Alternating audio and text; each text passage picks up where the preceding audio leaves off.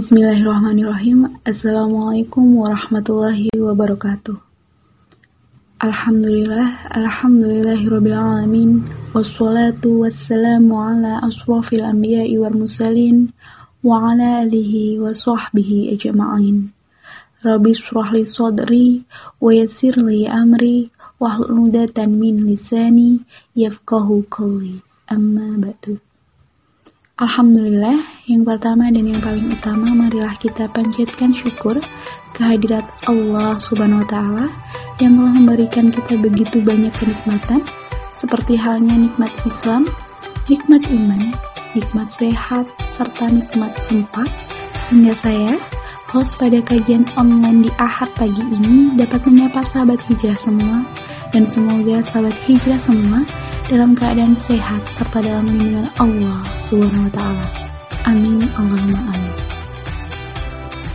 Meski tak ada temu, semoga melalui suara ini dapat mempererat tali ukhuwah di antara kita. Kajian online ini diselenggarakan oleh Sahira, komunitas sahabat hijrah Paturatno, Kalimah, komunitas muslimah hijrah, dan remaja hijrah Wonogiri. Salawat serta salam semoga selalu tercurah kepada junjungan kita, beliau baginda Rasulullah Muhammad Sallallahu Alaihi Wasallam beserta keluarga dan sahabat. Lewat beliaulah kegelapan berubah menjadi cahaya atas ridho dari Allah. Semoga kita, kita termasuk umatnya yang dapat syafaat. Amin.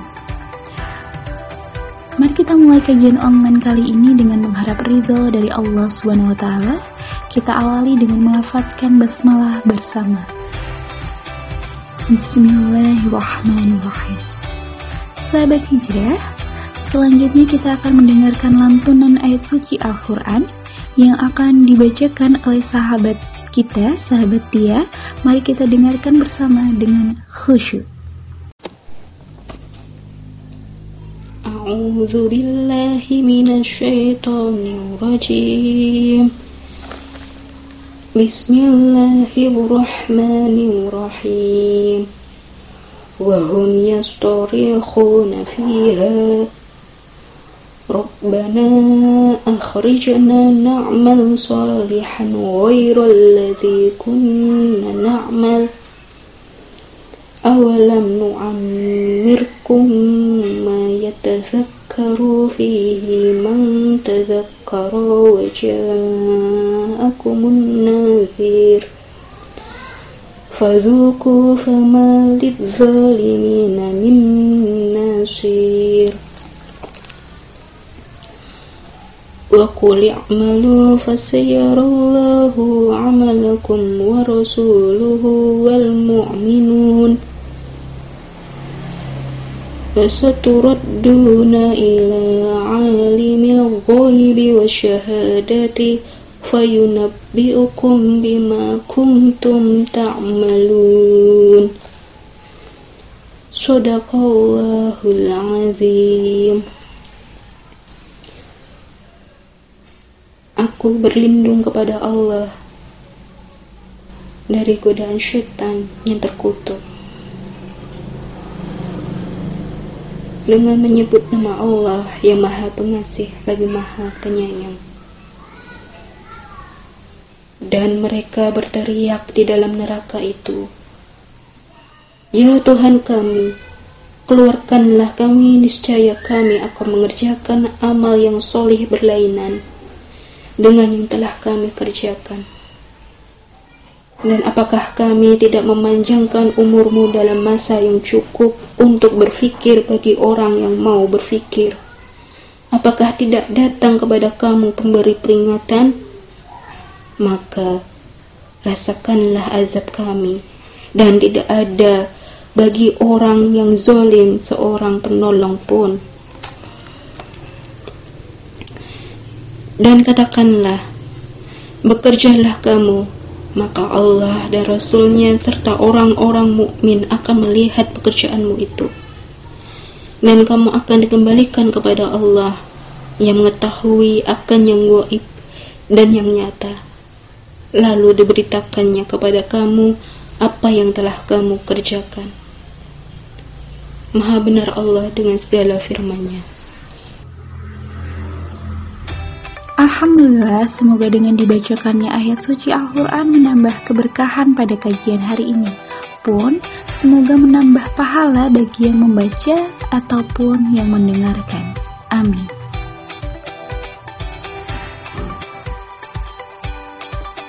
Insya Allah sesaat lagi kita akan mendengarkan materi dari pembicara kita pada hari ini, pada Ahad pagi ini Uh, sebelumnya, izinkan saya untuk memperkenalkan terlebih dahulu kepada sahabat hijrah semua, pembicara untuk kajian online hari ini. Beliau adalah Kak Yuli Saputri atau teman-teman nanti bisa memanggilnya dengan Kak Yuli, tinggal di Batu Retno. Aktivitas pada saat ini yaitu sebagai aktivis komunitas sahabat hijrah Batu Retno, beliau juga sebagai pemerhati remaja. Usianya masih sangat muda, 19 tahun, dengan akun Instagram. Kalau teman-teman mau follow ya di @fatia underscore 1453 at Fatia F A T H I Y A underscore 1453 uh, teman-teman sekalian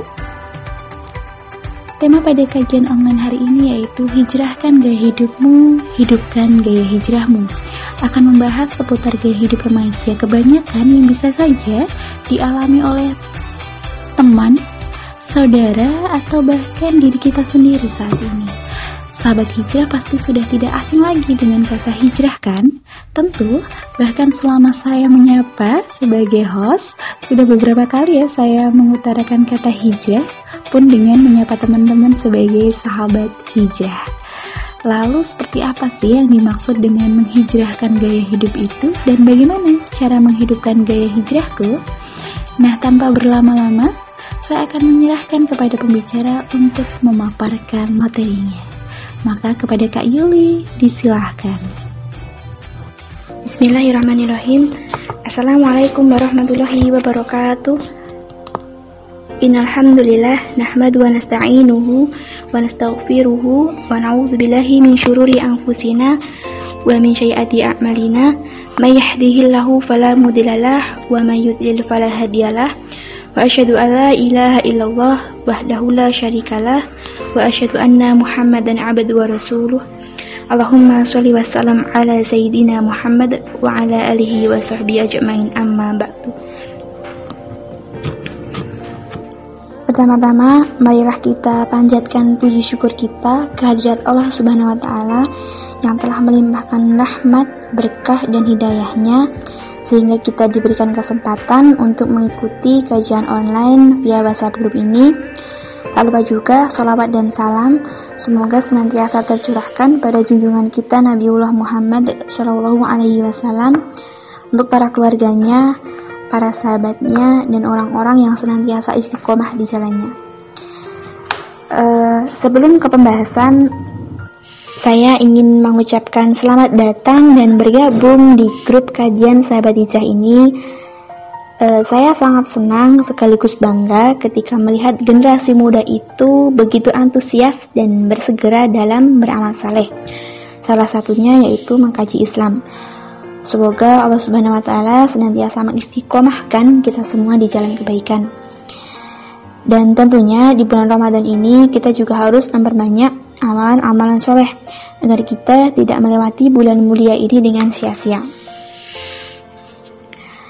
Uh, dan juga saya ingin mengucapkan terima kasih jazakumullah khairan kasir untuk panitia yang berpartisipasi besar mengadakan kajian online ini dan kepada komunitas muslimah hijrah serta remaja hijrah Wonogiri yang ikut mensupport diadakannya kajian online ini. Oke, langsung saja kita ke pembahasan. Jadi kali ini kita akan membahas mengenai seperti apa yang sudah ada di judul yaitu tentang hijrahkan gaya hidupmu, hidupkan gaya hijrahmu.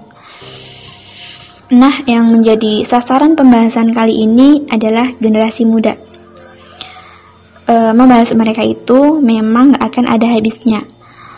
Karena mereka itu begitu lekat dengan e, masalah-masalah, problema-problema gitu kan, jadi kita nanti akan membahas dan mengupas tuntas bagaimana dan apa yang terjadi pada generasi muda saat ini, terutama generasi Muslim, dan bagaimana kita sebagai bagian dari mereka itu menyikapinya.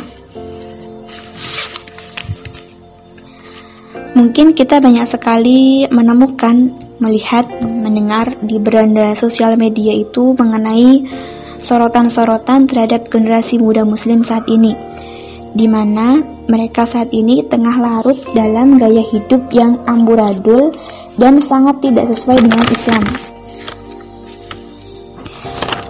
Meskipun sebagian dari mereka itu usianya bertambah dan akan beranjak dewasa, tapi pada faktanya mereka itu masih belum menemukan jati dirinya dan masih terombang-ambingkan. Nah, dalam bergaya hidup, mereka itu lebih memilih ke barat-baratan. Contohnya dalam hal food, uh, fashion, dan juga fun. Dalam hal food, misalkan atau makanan ini, jelas sekali mereka begitu konsumtif dan menghambur-hamburkan uang untuk hal itu. Yang kedua adalah fashion atau penampilan.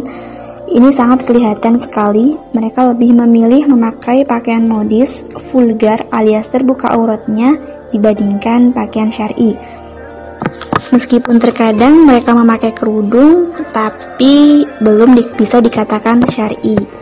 Padahal berpenampilan dan berpakaian syari itu wajib hukumnya bagi kita sebagai seorang muslim. Nah, bagaimana kategori pemakai pakaian atau penampilan syari dalam Islam? Tentu jika kita sebagai perempuan, sebagai muslimah itu seperti yang Allah firmankan dalam Quran Surat Al-Ahzab ayat 59 dan Quran Surat An-Nur ayat 30 yaitu jilbab yang saat ini biasa disebut dengan gamis dan memakai khimar atau kerudung yang menutup dada. Rasulullah Wasallam juga bersabda bahwa perempuan yang sudah balik itu tidak boleh terlihat auratnya kecuali wajah dan telapak tangan. Nah, yang ketiga adalah hal fun atau kesenangan, seperti tontonan tontonan mereka dalam keseharian dan kebiasaan mereka main sana sini tanpa faedah. Mengenai tontonan ini paling banyak salah satunya salah satu contohnya yaitu tontonan drama-drama Korea yang mana mereka itu lebih suka menghabiskan waktu mereka itu untuk menonton drama Korea dibandingkan dengan mentadaburi Al-Quran dan mempelajari sirah Nabawiyah. Mereka juga rela menghabiskan waktu dan kuota internetnya untuk ngepoin para opa-opa Korea dibandingkan ngepoin Rasulullah Wasallam sebagai teladan terbaik. Dan parahnya lagi, mereka itu menjadikan tontonan sebagai tuntunan. Nah, di sinilah letak bahayanya. Jadi banyak sekali drama-drama, konser-konser, memberikan contoh yang buruk. Adegan-adegan cara berpakaian yang mereka tonton tidaklah sesuai dengan Islam dan bahkan sangat bertentangan dengan Islam. Makanya dulu pernah ada petisi um, untuk menolak iklan yang dibintangi salah satu girl band Korea yang mana girl band itu memberi contoh yang buruk dalam berpakaian dan itu sangat berbahaya jika ditiru oleh generasi muda apalagi ditiru oleh anak-anak di bawah umur. Nah, karena larut dan dalam kesenangan-kesenangan inilah generasi itu sampai lupa mendekat pada Al-Quran dan bahkan mereka itu lupa e, mengkaji Islam dan makin jauh dari ajaran agamanya sendiri. Apalagi ketika sebuah tontonan itu menjadi tuntunan dan kita lihat saat ini banyak sekali kasus-kasus perzinaan dan atau bahasa kerennya itu pergaulan bebas di kalangan generasi muda kita. Dari yang awalnya malu-malu berpacaran hingga lama-lama melakukan hal-hal yang naudzubillah. Terkait hal terkait pacaran yang saat ini dan masih menjadi tren di kalangan generasi muda itu sebenarnya tidak sesuai dengan Islam dan bahkan menyalahi firman Allah Quran Surat Al-Isra ayat 32. Allah Subhanahu wa taala melarang kita untuk mendekati perbuatan zina. Mendekat saja itu tidak boleh apalagi melakukan berzinaan. Jadi naudzubillahi min. Ya, begitulah keadaan remaja atau generasi muda saat ini. Jadi kita sudah mulai tahu dan melihat secara gamblang bagaimana mereka itu lekat sekali dengan gaya hidup yang serba instan, hedonis, dan mereka itu menjalani kehidupan sehari-hari, melakukan suatu perbuatan tanpa mempertimbangkan halal dan haram. E, mereka mereka itu larut dalam dunianya sendiri, asik dengan aktivitas anfaidah hingga lupa mengisi masa muda mereka itu dengan semestinya. Hal ini sangatlah berbeda dengan remaja generasi muda pada zaman kejayaan Islam pada waktu itu. Eh, catatan-catatan sejarah begitu apik menggambarkan Islam pada waktu itu mampu melahirkan generasi-generasi emas. Nah, generasi yang menghabiskan seluruh masa mudanya untuk berkontribusi besar dalam mewujudkan peradaban Islam yang gemilang. Nah, mungkin Uh, sobat ingat kisahnya Usamah bin Zaid yang diangkat menjadi panglima perang oleh Rasulullah Shallallahu Alaihi Wasallam saat masih berumur 18 tahun. Bayangkan sobat, 18 tahun sudah diangkat menjadi panglima perang oleh Rasulullah Shallallahu Alaihi Wasallam. Atau ingat kisahnya Imam Syafi'i yang udah jadi penghafal Quran saat umurnya 19 tahun dan yang lebih luar biasa lagi Ibnu Sina yang sudah hafal Quran e, semenjak umurnya masih lima tahun. E, belum lagi sang idola, idola militer kita Muhammad Al-Fatih yang mampu merealisasikan bisyarah Rasulullah e, kabar gembira dari Rasulullah dengan berhasilnya beliau menaklukkan kota Konstantinopel di umur 21 tahun umur yang masih terbilang sangat muda. Apa penyebab e, mereka bisa sehebat dan seluar biasa itu? Tentunya pada saat itu mereka itu benar-benar menjadikan Al-Quran itu sebagai pedoman hidup e, sehingga mereka itu benar-benar merasakan dan mengecap manisnya iman. Dan jelas sekali figur-figur pemuda, generasi muda seperti mereka hampir tidak kita temukan saat ini Eh, bagaimana tidak kan generasi generasi muda kita saat ini seperti yang udah kita uh, tahu tadi di awal bagaimana keadaan mereka dan mereka itu benar-benar nggak uh, nggak mengenal gitu kan pedoman hidupnya jadi mereka itu udah benar-benar jauh dari Al-Quran bahkan mereka itu nggak paham tentang tujuan hidupnya nah terkait tujuan hidup kita harus tahu nih tiga pertanyaan mendasar yang harus dipahami seorang muslim tentang tujuan hidup ini. Apa itu? Yang pertama yaitu dari mana kita berasal. Yang kedua, untuk apa gitu untuk apa kita itu diciptakan dan yang ketiga adalah akan ke mana kita itu setelah mati. Terkait pertanyaan pertama, tentu jawabannya adalah kita berasal dari Allah diciptakan oleh sang kholik sekaligus sang mudabbir atau sang pengatur. Jadi Allah itu tidak hanya sekedar sang pencipta, tapi dia itu juga sang pengatur. Jadi ketika dia menciptakan manusia, maka dia itu juga menurunkan seperangkat aturan yang wajib ditaati oleh manusia. Wajar saja jika kita itu harus dan diwajibkan taat terhadap perintah Allah dan menjauhi setiap larangannya. Nah, jawaban dari pertanyaan kedua adalah bahwa kita diciptakan untuk beribadah kepadanya, kepada Allah Subhanahu wa taala. Seperti yang difirmankan oleh Allah dalam surat Az-Zariyat ayat 56. Bismillahirrahmanirrahim. Wa ma khalaqtul jinna wal insa illa liya'budun. Yang artinya, Aku tidak menciptakan jin dan manusia, melainkan agar mereka beribadah kepadaku. Nah, inilah yang harus diketahui agar kita itu nggak sesat jalan. Ibadah pun juga nggak cuma perihal sholat, puasa, zakat, ataupun haji saja. Namun segala perbuatan kita itu harus terikat dengan hukumnya Allah, dengan aturannya Allah. Dari pergaulan, muamalah, bahkan sampai ke ranah negara, pun harus sesuai dengan yang telah disyariatkannya.